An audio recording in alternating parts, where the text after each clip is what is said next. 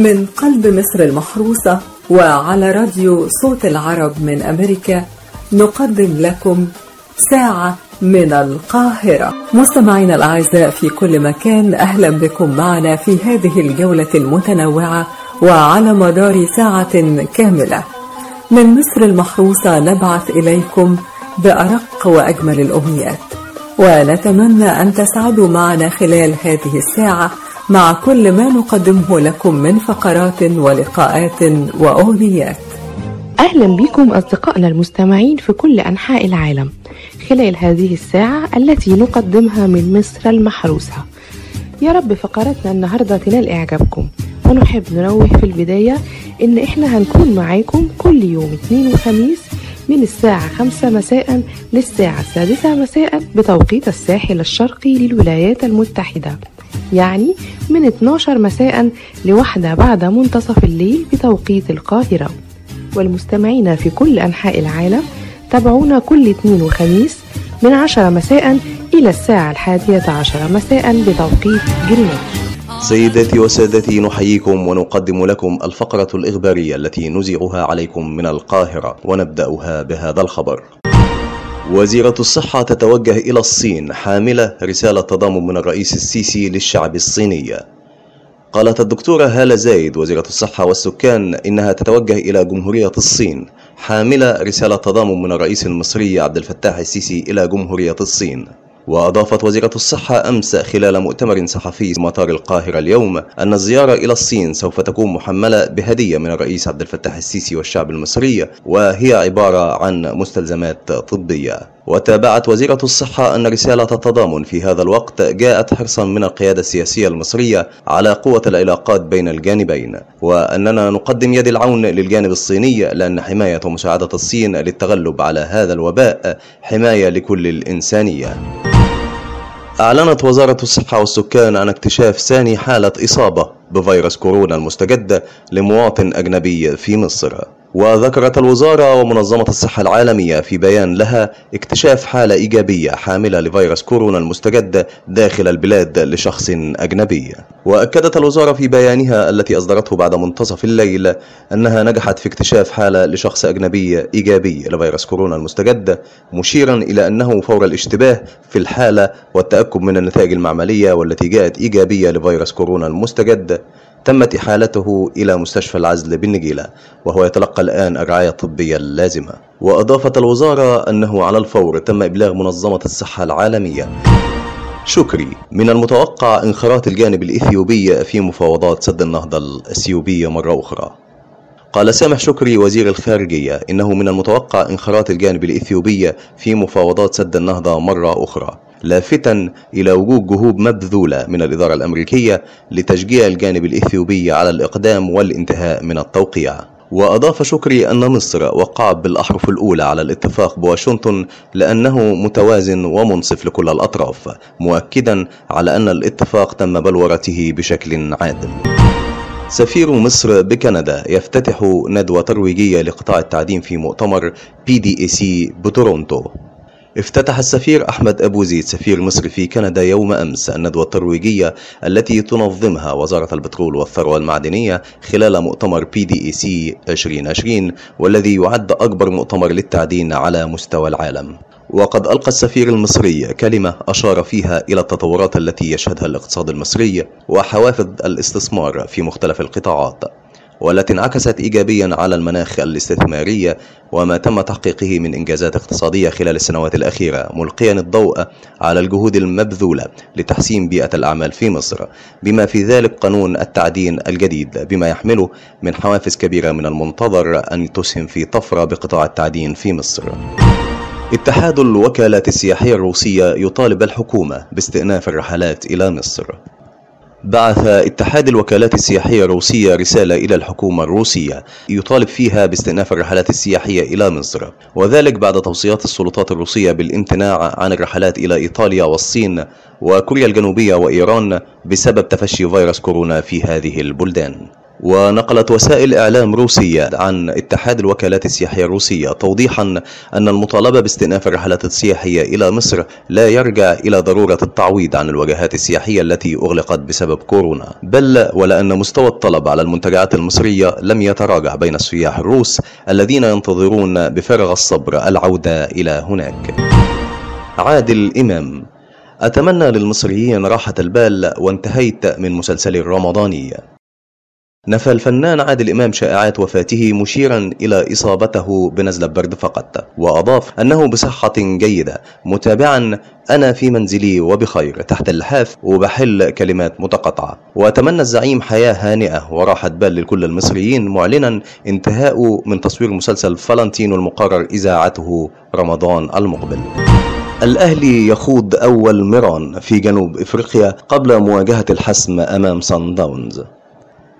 خاض فريق الأهلي تدريبه الأول بجنوب إفريقيا على ملعب الجامعة استعدادا لمواجهة سان داونز المرتقبة يوم السبت المقبل في إياب دور الثمانية لبطولة دوري أبطال إفريقيا في اللقاء الذي يتطلع فيه بطل مصر لتحقيق نتيجة إيجابية والعودة للقاهرة بتأشيرة الصعود للمربع الذهبي في البطولة.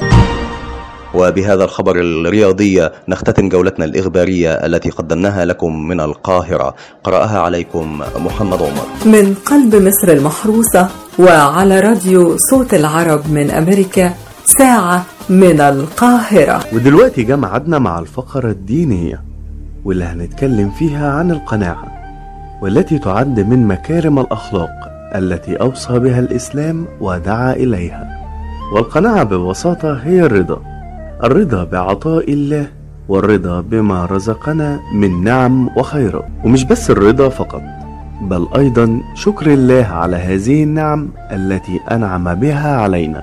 فالقناعة هي الرضا بما قسمه الله ولو كان قليلا. وعدم التطلع إلى ما في أيدي الآخرين وهي علامة على صدق الإيمان وهي عكس الطمع تماما.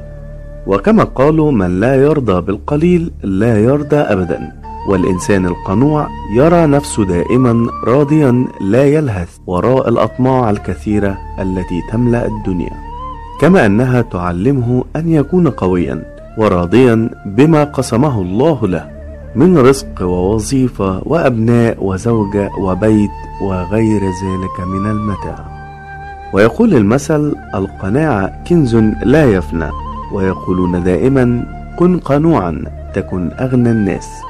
وأيضا العبد حر إذا قنع والحر عبد إذا طمع. مستمعينا الأعزاء هيا بنا نستمع إلى فضيلة الشيخ سعيد رجب عبود وهو يحدثنا عن فضل القناعة وفضل الرضا. ولكن دعونا في البداية نستمع إلى نص الحديث الشريف. قال رسول الله صلى الله عليه وسلم ليس الغنى عن كثرة العرض ولكن الغنى غنى النفس. أخرجه البخاري ومسلم وصدق رسول الله صلى الله عليه وسلم. بسم الله الرحمن الرحيم. الحمد كل الحمد للذي أحكم بحكمته ما فطر وبنى. أحمده حمدا مسرا للحمد ومعلنا وأصلي وأسلم على رسوله محمد أشرف من تردد بين جمع ومنى. أما موضوع الزهد فالنبي صلى الله عليه وسلم أخبر بأنه ليس الغنى عن كثرة العرض. وهذا يبين أنه يجوز أن يكون الإنسان غنيا لا مانع من ذلك فاليد العليا خير من اليد السفلى. ولا مانع أن يكون الإنسان لديه المال ولديه العطاء. رأينا الصديق رضي الله عنه ورأينا سيدنا عثمان ورأينا سيدنا عبد الرحمن بن عوف كانوا من أغنى الأغنياء ومع ذلك كانوا زاهدين في الدنيا. ورأينا النبي صلى الله عليه وسلم أحيانا كان يأتيه المال فيسأل السائل فيعطيه غنما بين جبلين ولذلك قيل بأن القناعة أولا سماها بعض أهل اللغة قال القناعة هي الرضا أن يرضى الإنسان بما أعطاه الله عز وجل له. ولذلك قال صلوات ربي وسلامه عليه في حديث آخر لما سأله أحد الناس يا رسول الله دلني على شيء إذا فعلت أحبني الله وأحبني الناس. فقال صلى الله عليه وسلم ازهد في الدنيا يحبك الله وازهد فيما عند الناس يحبك الناس. بعض الناس للأسف الشديد برضو بتفهم الزهد غلط. بيظن إن زهد الإنسان يترك الدنيا بكل ما فيها. لا أحد العلماء قال بحثت عن الزهد في كتاب الله فوجدته في آية واحدة هي قول المولى جل في علاه لكي لا تأسوا على ما فاتكم ولا تفرحوا بما آتاكم. قال العلماء للقناعه فوائد كثيرة تعود على المرء بالسعادة والراحة والأمن والطمأنينة في الدنيا. ومن تلك الفوائد قالوا امتلاء القلب بالإيمان بالله عز وجل والثقة به والرضا بما قدر وقسم وقوة اليقين بما عنده سبحانه وتعالى ذلك أن من قنع برزقه فإنما هو مؤمن ومتيقن بأن الله تعالى قد ضمن أرزاق العباد وقسمها بينهم حتى ولو كان ذلك القانع لا يملك شيئا. فالله عز وجل في أمر الرزق قال عبدي عليك بالثقة بما ضمنته لك فلست أطعم رزقك إلى غيرك. ما كان لك سوف يأتيك وما كان لغيرك فلن يصل إليك. قالوا كذلك من فوائد القناعة الحياة الطيبة. الله عز وجل قال في سورة النحل من عمل صالحا من ذكر أو أنثى وهو مؤمن فلنحيينه حياة طيبة ولنجزينهم أجرهم بأحسن ما كانوا يعملون. فسر الحياة الطيبة علي رضي الله عنه وابن عباس حبر الأمة والحسن رضي الله عنهم فقالوا الحياة الطيبة هي القناعة. وفي هذا المعنى قال ابن الجوزي رضي الله عنه من قنع طاب عيشه ومن طمع طال طيشه. كذلك من فوائد القناعة تحقيق شكر المنعم. سبحانه وتعالى ذلك أن من قنع برزقه إيه اللي يحصل. قالوا شكر الله عز وجل. ومن تقال له قصر عن الشكر.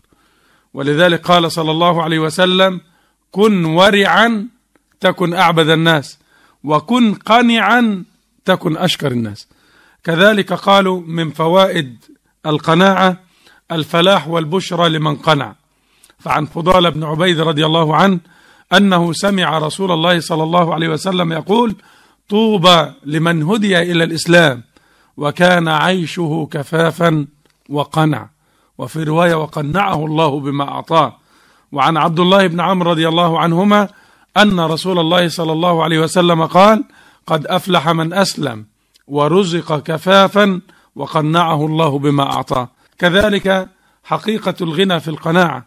ولذا رزق النبي صلى الله عليه وسلم وامتن الله به عليه فقال جل في علاه ووجدك عائلا فأغنى. أغناك الله عز وجل وقنعه الله عز وجل بما أعطاه. نسأل المولى جل في علاه أن يجعلنا الله عز وجل من الشاكرين على عطائه الراضين بقدره وقضائه إنه ولي ذلك والقادر عليه. وسلام الله عليكم ورحمته وبركاته. من قلب مصر المحروسة وعلى راديو صوت العرب من أمريكا ساعة من القاهرة. أهلا بكم من جديد في فقرة أخبار خفيفة جدا اللي بنقدمها لكم كل يوم اثنين وخميس الساعة 12 أنا بسمة محمد والخبر بيقول فتاة تنجو من الموت بطريقة عجيبة. تداول رواد مواقع التواصل الاجتماعي في روسيا مقطعا مصورا لفتاة نجت من الموت بطريقة عجيبة وبعضهم اعتبر إنها ولدت من جديد. وبحسب موقع دون 24 الروسي فإن فتاة في بلدة الزوف التابعة لمدينة روستوف غربي روسيا نجت من موت محتم. ويظهر الفيديو فتاة تسير على نصير الطريق بشكل متوازن ثم ترنو بنظراتها تجاه حافلة قادمة نحوها قبل أن تقع أرضا وكان المذهل في الأمر أن عجلات الحافلة كانت بعيدة سنتيمترات قليلة جدا عن رأس الفتاة المستلقية على الأرض. ولولا ذلك لتهشمت جمجمتها. وتعليقا على ذلك الفيديو الذي انتشر يوم الأحد على مواقع التواصل الاجتماعي قال أحد المغردين على تويتر يا لها من فتاة محظوظة. أرجو أن تكون قد حزيت بمساعدة شخص ما. وعلق آخر إنها محظوظة لقد كتب لها عمر جديد. فيما قالت إحداهن. كانت تمسك برأسها قبل أن تقع أرضا ويبدو أنها كانت تتألم. الحمد لله ربنا ستر. كورونا يفسد المهمة المستحيلة ويحتجز توم كروز. أدى تفشي فيروس كورونا المستجد إلى إيقاف تصوير أحدث أجزاء فيلم المهمة المستحيلة. Mission Impossible 7 واحتجاز نجم الفيلم توم كروز في قصر بمدينة البندقية شمالي إيطاليا. وأعلنت الشركة المنتجة للفيلم استوديوهات باراماونت أنه تم وقف إنتاج وتصوير أحدث أفلام سلسلة Mission Impossible في إيطاليا بعد تفشي فيروس كورونا في البلاد وحظر التجمعات الكبيرة في المنطقة من أجل وقف انتشار المرض. وأشار ناطق باسم الشركة المنتجة إلى أنه حرصا على سلامة الممثلين وفريق العمل وأمنهم ومع الجهود التي تبذلها سلطات البندقية للحد من التجمعات لمواجهة فيروس كورونا قررنا إجراء تعديلات على برنامج التصوير في مدينة البندقية الذي كان مقررا لثلاثة أسابيع. قالت صحيفة ديلي ميل البريطانية في تقرير خاص لها إن نجم هوليود يتحصن في قصر جريتي من فئة خمسة نجوم في مدينة البندقية. وأشارت الصحيفة إلى أنه تم إجبار كروز الذي وصل إلى البندقية في العشرين من فبراير الجاري. على البقاء في الفندق حتى الأول من مارس المقبل. بانتظار قرار مشروع خلي بالك من نفسك يا كروز يا أخويا علشان ملايين المعجبين. أم تلاعب ابنها بالمرجحة في الشارع من الدور الرابع. لجأت أم روسية إلى حيلة جهنمية لإطفاء البهجة والسعادة على ابنها الذي يلعب أسفل العقار بينما هي تجلس في غرفتها بالدور الرابع. ففي مدينة بلوغرود غرب روسيا التقط أحد السكان مقطع فيديو لطفل يلهو على أرجوحة في الشارع بينما تحركها أمه من شقتها في الدور الرابع في البناية. ويظهر في مقطع الفيديو حبل ثبتته السيدة في الأرجوحة يمتد إلى نافذة حجرتها ليمكنها من التحكم في حركة طفلها بينما هي تجلس في البيت. ويبلغ طول الحبل عشرات الأمتار ويمتد فوق قطعة أرض بها مواقف سيارات. وقال صاحب مقطع الفيديو الغريب رأيت ذلك من نافذة منزلي. شخص ما مد حبلا طويلا من نافذة الدور الرابع وربطه في الأرجوحة. والله فكرة بس ربنا يستر والحبل ما يتقطعش وتضطر الأم تجري بابنها على المستشفى. استعادت خاتمها بعد فقدانه 47 عاما والنقوش لعبت دور البطولة. وقع شيء أغرب من الخيال مع مواطنة أمريكية تدعى ديبرا ماكينا حيث فقدت خاتما قبل 47 عاما في مدينة أمريكية ثم يعثر عليه في غابة في فنلندا فهو أمر غريب حقا. هذا ما حدث فعلا مع ديبرا البالغة من العمر 63 حاليا التي فقدت خاتم التخرج الخاص بصديقها ثم زوجها لاحقا في مدرسة بمدينة بورتلاند بولاية ماين الأمريكية. عام 1973 وحسب ما أفادت صحيفة بونجور اليومية فقدت ديبرا الخاتم في بورتلاند عندما كانت طالبة في مدرسة مورس الثانوية. وبمرور الوقت نسيت ديبرا أمر الخاتم كليا قبل أن يعثر عليه باحث فنلندي عن المعادن مدفونا على عمق 20 سنتيمترا في غابة بعد 47 عاما. يا سلام. صحيح المال الحلال ما بيضيعش أبدا. وبالخبر ده بنوصل لنهاية فقرتنا.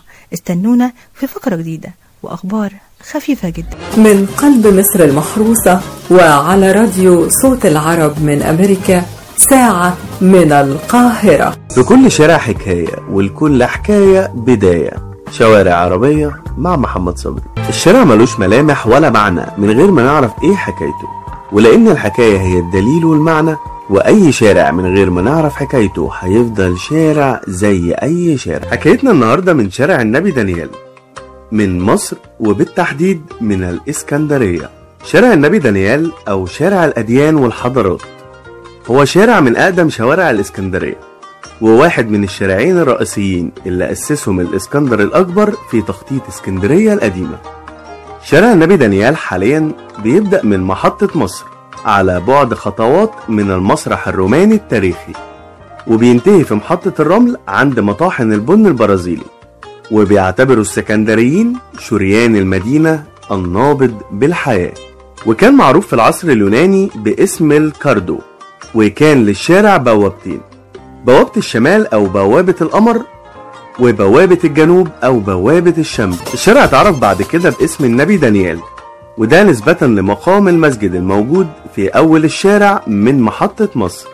لكن مين هو النبي دانيال؟ بعض الروايات بتقول إن النبي دانيال هو أحد أنبياء بني إسرائيل اللي بيرجع وجوده تقريبا للقرن السادس قبل الميلاد.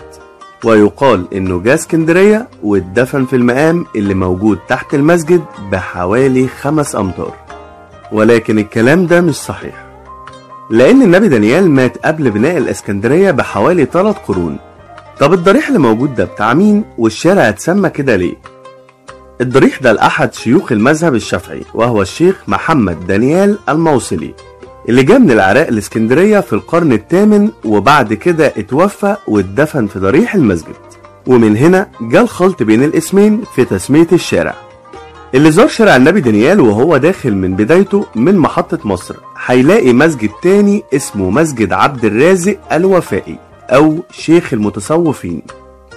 جنب المسجد في أرض فاضية بنشوفها وإحنا ماشيين. عبارة عن حفرة كبيرة جدا ومحاطة بسور من الحديد. وده واحد من السراديب الأثرية اللي تم اكتشافها تحت شارع النبي دانيال. المقريزي قال عن الأنفاق دي في وصفها يسير فيها الفارس ممتطيا جواده ورافع سيفه. والسراديب دي عبارة عن أنفاق كبيرة بترجع للعصر الروماني وكانت مخصصة لهروب الإمبراطور في حالة حدوث خطر. واللي بيميز شارع النبي دانيال كمان إنه بيحتضن جواه دور عبادة للثلاث ديانات. في بداية الشارع مسجد النبي دانيال ومسجد الوفائي شيخ المتصوفين وفي منتصف الشارع معبد إلياهو اليهودي وفي آخر الشارع الكنيسة المرقسية. والكنيسة المرقسية هي أقدم كنيسة في مصر وأفريقيا واللي بناها القديس مرقس في القرن الأول الميلادي.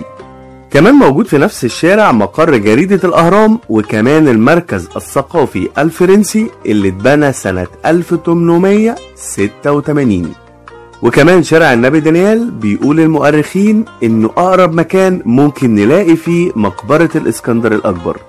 أهمية شارع النبي دانيال مش بسبب إنه أقدم شوارع اسكندرية ولا إنه عايم على بحر من الآثار والحكايات اللي منها اكتشفناه ومنها لأ. أهميته إنه باقي وصامد وقادر يجمع في قلبه حضارات وأديان اتعاشت وبتتعاش. حتى بياعين الكتب اختاروا شارع النبي دانيال مكان ليهم وكأنهم بيأكدوا على إنه مش مجرد شارع. ده تاريخ بيكتب نفسه كل يوم. وبكده نبقى وصلنا لآخر حلقتنا النهاردة. واستنونا إن شاء الله في حلقة جديدة مع شارع جديد. كان معكم محمد صبري من قلب الشارع. من قلب مصر المحروسة وعلى راديو صوت العرب من أمريكا ساعة من القاهرة. الأديبة والإعلامية الأستاذة مي خالد بنبارك حضرتك على روايتك تمار بجائزة معرض القاهرة الدولي للكتاب وهيكون أول سؤال لينا. آه يا ترى هي تمار؟ أول رواية لحضرتك؟ لا آه آه تمار الكتاب العاشر والرواية السادسة. آه طيب يا يا ترى هي تمار؟ آه معناها آه إيه؟ ده اسم جورجي آه أو اسم يعني روسي. هو أصلا اسم عبراني من التوراة بمعنى الثمرة. آه وهو شائع جدا في أوروبا الشرقية. لأن أعظم ملكة عندهم كان اسمها الملكة تمار وتيمنا بها شعوب كثيرة من أوروبا الشرقية وروسيا وجورجيا تحديدا بيسموا بناتهم تمار طيب ممكن حضرتك تدي للمستمع فكرة سريعة عن رواية تمار؟ الرواية بتحكي قصة بنتين توأم. اتوفى والدهم ووالدتهم أو يعني وقت ولادتهم فتوزعوا على أمه الجدات والجدود للأم والأب. تقى راحت في حي الدرب الأحمر وتمار راحت في حي جاردن سيتي واكتسبت كل منهما شخصيات يعني أقصد صفات نفسية وفقا للحي والظروف اللي اتربت فيها. آه وبتحصل رحلة طويلة آه لتقى تمار. آه رحلة حياة. آه بتقابل فيها شخصيات كتيرة وثقافات كتيرة وبلاد كتيرة وبتبقى هي دي الرواية. أستاذة مي نحب نعرف هي فكرة الرواية من البداية جات لحضرتك إزاي؟ آه فكرة الرواية جات لي ما كنت في مؤتمر أدبي في جورجيا. جورجيا تبع روسيا مش أمريكا. آه واكتشفت هناك إن أهل جورجيا معتزين جدا إن جدودهم كانوا من المماليك. فيعني لفتوا نظري للنقطة دي في حين إن الشائع في الأفلام إن هم بيبقوا اتخطفوا وزعلانين وحاجات زي كده لكن اعتزوا إن هم كانوا بيعوا آه، أو اختطفوا وأصبحوا ملوك دولة عظيمة زي مصر. آه، ولما جيت مصر وعرف كتير من المصريين إن أنا كنت في جورجيا بدأوا ي- يحكوا لي عن أصول عائلاتهم اللي هي من أصول قوقازية اللي هم من أصلا آه، من جورجيا ومن من الدول دي اللي هم أصلا من أصولهم مماليك. فالفكرة لفتت نظري إن أنا أمزج بين الحضارتين أو اللي هي في الواقع في, في, في نقطة ما من التاريخ كانت آه، شبه حضارة واحدة. ومزجت بينهم بالحكايات ال- العائلات اللي العائلات المصرية اللي أصولها جورجية والعكس صحيح. طب يا ترى في فكرة رواية جديدة قريب هنعرفها ولا لسه الوحي ما جاش؟ لسه في في رواية بحط كده النقط بتاعتها يعني بس لسه ما ما اكتملتش قوي الفكرة وبحط أفكار في أفكار بناء شخصيات أماكن ولكن لسه يعني ما ربطتهاش مع بعضها قوي. في النهاية طبعا بشكر حضرتك أستاذة مي خالد وفي انتظار الرواية الجديدة. ميرسي خالص. ألف ألف شكر. ألف شكر. ميرسي. أهلا بيكم أعزائي المستمعين في فقرة جولة الفقرة اللي بنكتشف فيها حاجات جديدة عن مصر المحروسة. جولتنا النهاردة هتخلينا نعمل حاجة جميلة جدا. هتاخدنا في رحلة بعيدة بس لفوق. لفوق؟ إزاي يعني؟ تعالوا أقول لكم. تعالوا ندخل مع بعض مكان شكله عظيم جدا. ونركب أسانسير فيه. بعد كام ثانية كده هنلاقي نفسنا فوق. فوق جدا. على ارتفاع 187 متر. معقول؟ 187 متر؟ فهنبدأ نسأل نفسنا هو الارتفاع ده في مكان جوه مصر؟ آه الارتفاع ده في مكان جوه مصر. ده إحنا كمان جوه القاهرة مش بس كده إحنا في نص القاهرة. جولتنا النهاردة هتكون من أعلى مكان في مصر وبنظرة واحدة ومن مكان واحد تقدر تشوف القاهرة كلها. فقرتنا النهاردة هنتكلم فيها عن برج القاهرة؟ وإيه حكاية البرج ده؟ واتبنى إمتى وفين؟ ومين اللي بناه؟ وليه؟ البرج ده اتبنى في عهد جمال عبد الناصر. ابتدوا فيه سنة 1956 فضلوا يشتغلوا فيه لحد سنة 1961 طيب تفتكروا حاجة بالعظمة دي؟ اتكلفت كام؟ وليه أصلا جمال عبد الناصر فكر في بناء البرج ده؟ البرج ده ساعتها اتكلف حوالي 6 مليون جنيه مصري. طبعا المبلغ ده كان كبير جدا في فترة الخمسينات الفترة اللي تم فيها بناء البرج ده. وقتها الولايات المتحدة ساعدت مصر بهدف التأثير على موقفها المؤيد للجزائر ضد الاحتلال الفرنسي. وفي مؤرخ عسكري اسمه جمال حماد كان بيقول إن لما تم بناء برج القاهرة الأمريكان أطلقوا عليه شوكة عبد الناصر أما المصريين أطلقوا عليه وقف روزفلت. دليل على أن المصريين صامدين قدام الولايات المتحدة ومتمسكين بالعلاقات ما بينهم وما بين الجزائر. حاليا في ناس بتقول عليه إنه برج الجزيرة وده لأنه موجود في جزيرة الزمالك. طيب هل فعلا الموضوع كان يستاهل إن إحنا نبني برج بالمبلغ الضخم ده؟ عبد الناصر وقتها كان هدفه إن هو يعمل حاجة تكون من المعالم السياحية اللي ليها قيمتها على مر التاريخ. وفعلا بمرور الزمن أصبح برج القاهرة ده من أهم معالم مصر السياحية. صمم البرج ده واحد من أهم المهندسين في الوقت ده وهو المهندس نعوم شبيب. واعتمد في تصميمه على إنه يكون على شكل زهرة اللوتس اللي كلنا عارفين إن هي بترجع للأصل الفرعوني. بس الأكيد إن برج القاهرة مفضلش على وضعه من يوم ما اتبنى. في 2006 كده عملت شركة المقاولين العرب على تجديد وترميم البرج. استمرت عملية التجديد لمدة سنتين من 2006 لحد 2008 والتجديد ده اتكلف حوالي 15 مليون جنيه. طيب هما جددوا في إيه؟ أول حاجة رمموا خرسانة البرج ده. تاني حاجة البرج ده كان مكون من 16 طابق. بعد التجديد بنوا تلاتة كمان. لكن أسفل البرج. بالإضافة طبعا لسلم الطوارئ مصعد للزائرين كمان طوروا المدخل الرئيسي. بالإضافة للإضاءة الخارجية الجديدة اللي بتبهر أي حد معدي من قدام البرج. برج القاهرة هو يعتبر أسطورة تاريخية لأنك من خلاله تقدر تشوف أماكن كتيرة جدا بمجرد لما تمسك التلسكوب وتشوف منه لأنك ببساطة بتكون أعلى حتى من الهرم الأكبر. تقدر كمان تشوف من خلاله مبنى التلفزيون أبو الهول النيل قلعة صلاح الدين الأزهر الشريف وكمان الأهرامات. أماكن تانية كتير جدا. بالإضافة للمطعم الدائري. وده بمجرد لما بتقعد فيه تقدر تشوف مصر كلها وانت قاعد مكانك لأنه بيلف طول الوقت. ببساطة مصر فيها حاجات كتير حلوة. بس دورنا إن إحنا نكتشفها واحدة واحدة. وبكده تكون انتهت جولتنا النهاردة. استنونا في جولة جديدة مع أماكن تانية جديدة جوه مصر المحروسة. كانت معاكم شموع شكري. من قلب مصر المحروسة وعلى راديو صوت العرب من أمريكا ساعة من القاهرة. أهلا بكم مستمعينا في فقرة الأبراج. النهاردة في فقرة الأبراج هنعرف توافقات برج الحوت مع باقي الأبراج. كمان بما إن برج الحوت من الأبراج المائية هنعرف صفات الأبراج المائية بشكل عام.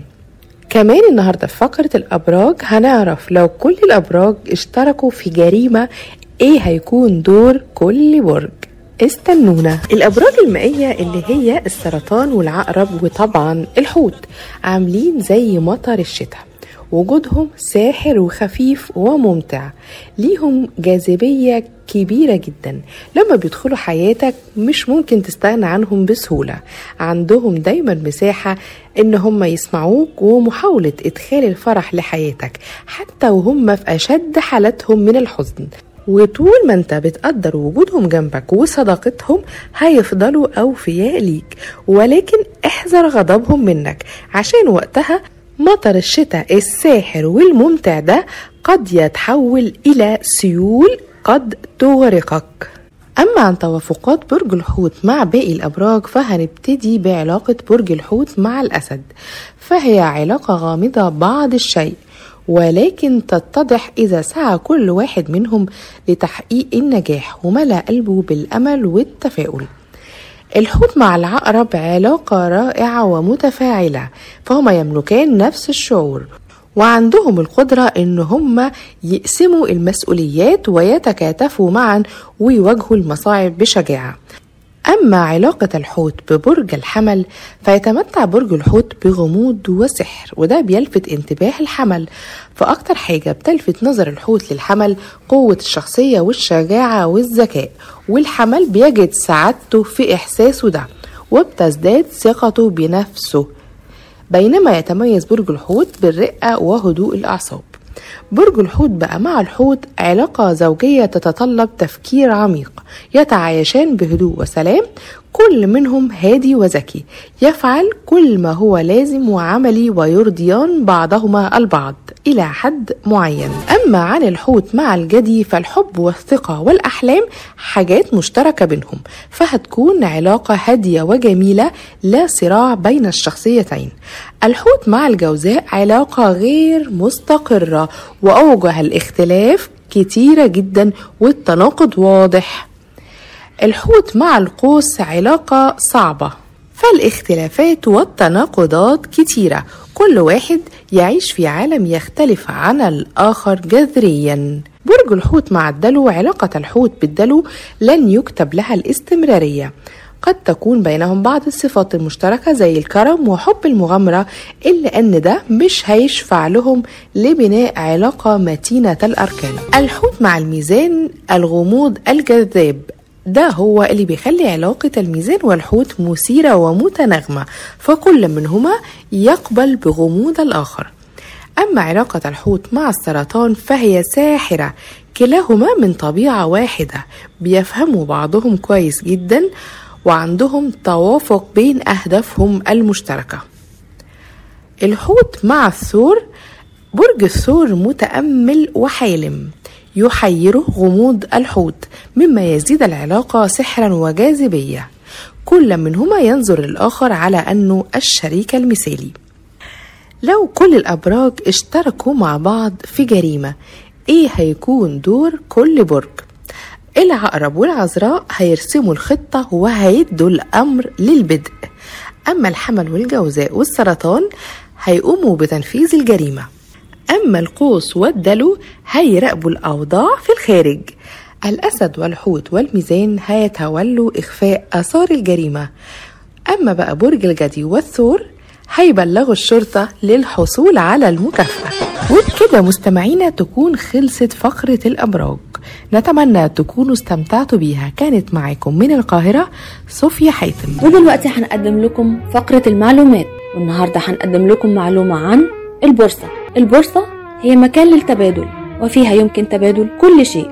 ففيها يتم بيع وشراء المواد الغذائية مثل البن والأرز والذرة والمواد الأولية مثل البترول القطن والنحاس والسندات المالية مثل سندات الأسهم والالتزامات والعملات مثل الدولار والين واليورو وحتى معدلات الفائدة. ويعود أصل كلمة بورصة إلى اسم العائلة البلجيكية فان دير بورسن.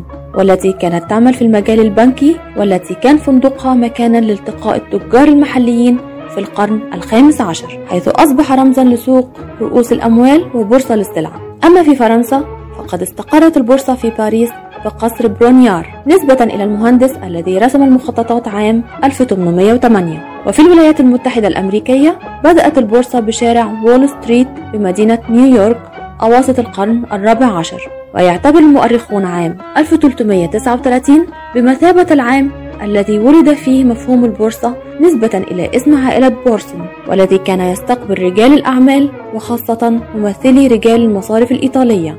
وفي عام 1595 ظهرت بورصة ليون الفرنسية الأقدم والأكثر أهمية لمدة طويلة في فرنسا.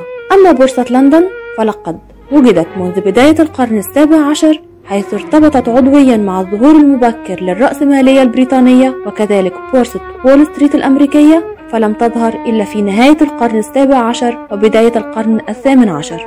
ولمدة طويلة بقيت بورصة باريس في المركز الثاني عالميا بعد بورصة لندن إلا إنها انهارت بعد الثورة الفرنسية. ومع نهاية الثمانينات تغير ترتيب البورصات الدولية لصالح الولايات المتحدة واليابان من حيث حجم رؤوس الأموال المتداولة فيها ولذا فإن أهم البورصات في العالم هي بورصة نيويورك بورصة طوكيو بورصة لندن وبورصة باريس. شكرا لكم وإلى اللقاء في معلومة جديدة. مع تحياتي أميرة مدحت. مستمعينا الأعزاء يا رب رحلتنا النهاردة من القاهرة تكون عجبتكم. بس قبل ما نختتم هذه الرحلة تعالوا ندخل حديقة الطرب العربي الأصيل. مفيش أجمل من صوت كوكب الشرق. السيدة أم كلثوم نختم بيها رحلتنا معاكم النهاردة. والحقيقة الست أم كلثوم كل أغانيها أحلى من بعض. صوت أم كلثوم العبقري مع ألحان كبار الملحنين في الوطن العربي مع كلمات أهم وأكبر الشعراء كان بيعمل مزيج من الشجن والجمال الذي لا يتكرر. مستمعينا الأعزاء وبكده نكون وصلنا بيكم إلى نهاية فقرتنا ورحلتنا النهاردة. وعلى أمل أن يتجدد اللقاء معكم في حلقة قادمة ورحلة جديدة بإذن الله. ومن هنا من قلب القاهرة نرسل لكم بأرق أمنياتنا الطيبة بقضاء أجمل الأوقات. مع تحيات فريق عمل ساعة من القاهرة محمد عمر محمد صبري صوفيا حاتم منى الألفي دعاء حسن بسمة محمد شموع شكري وأميرة مدحت دويدار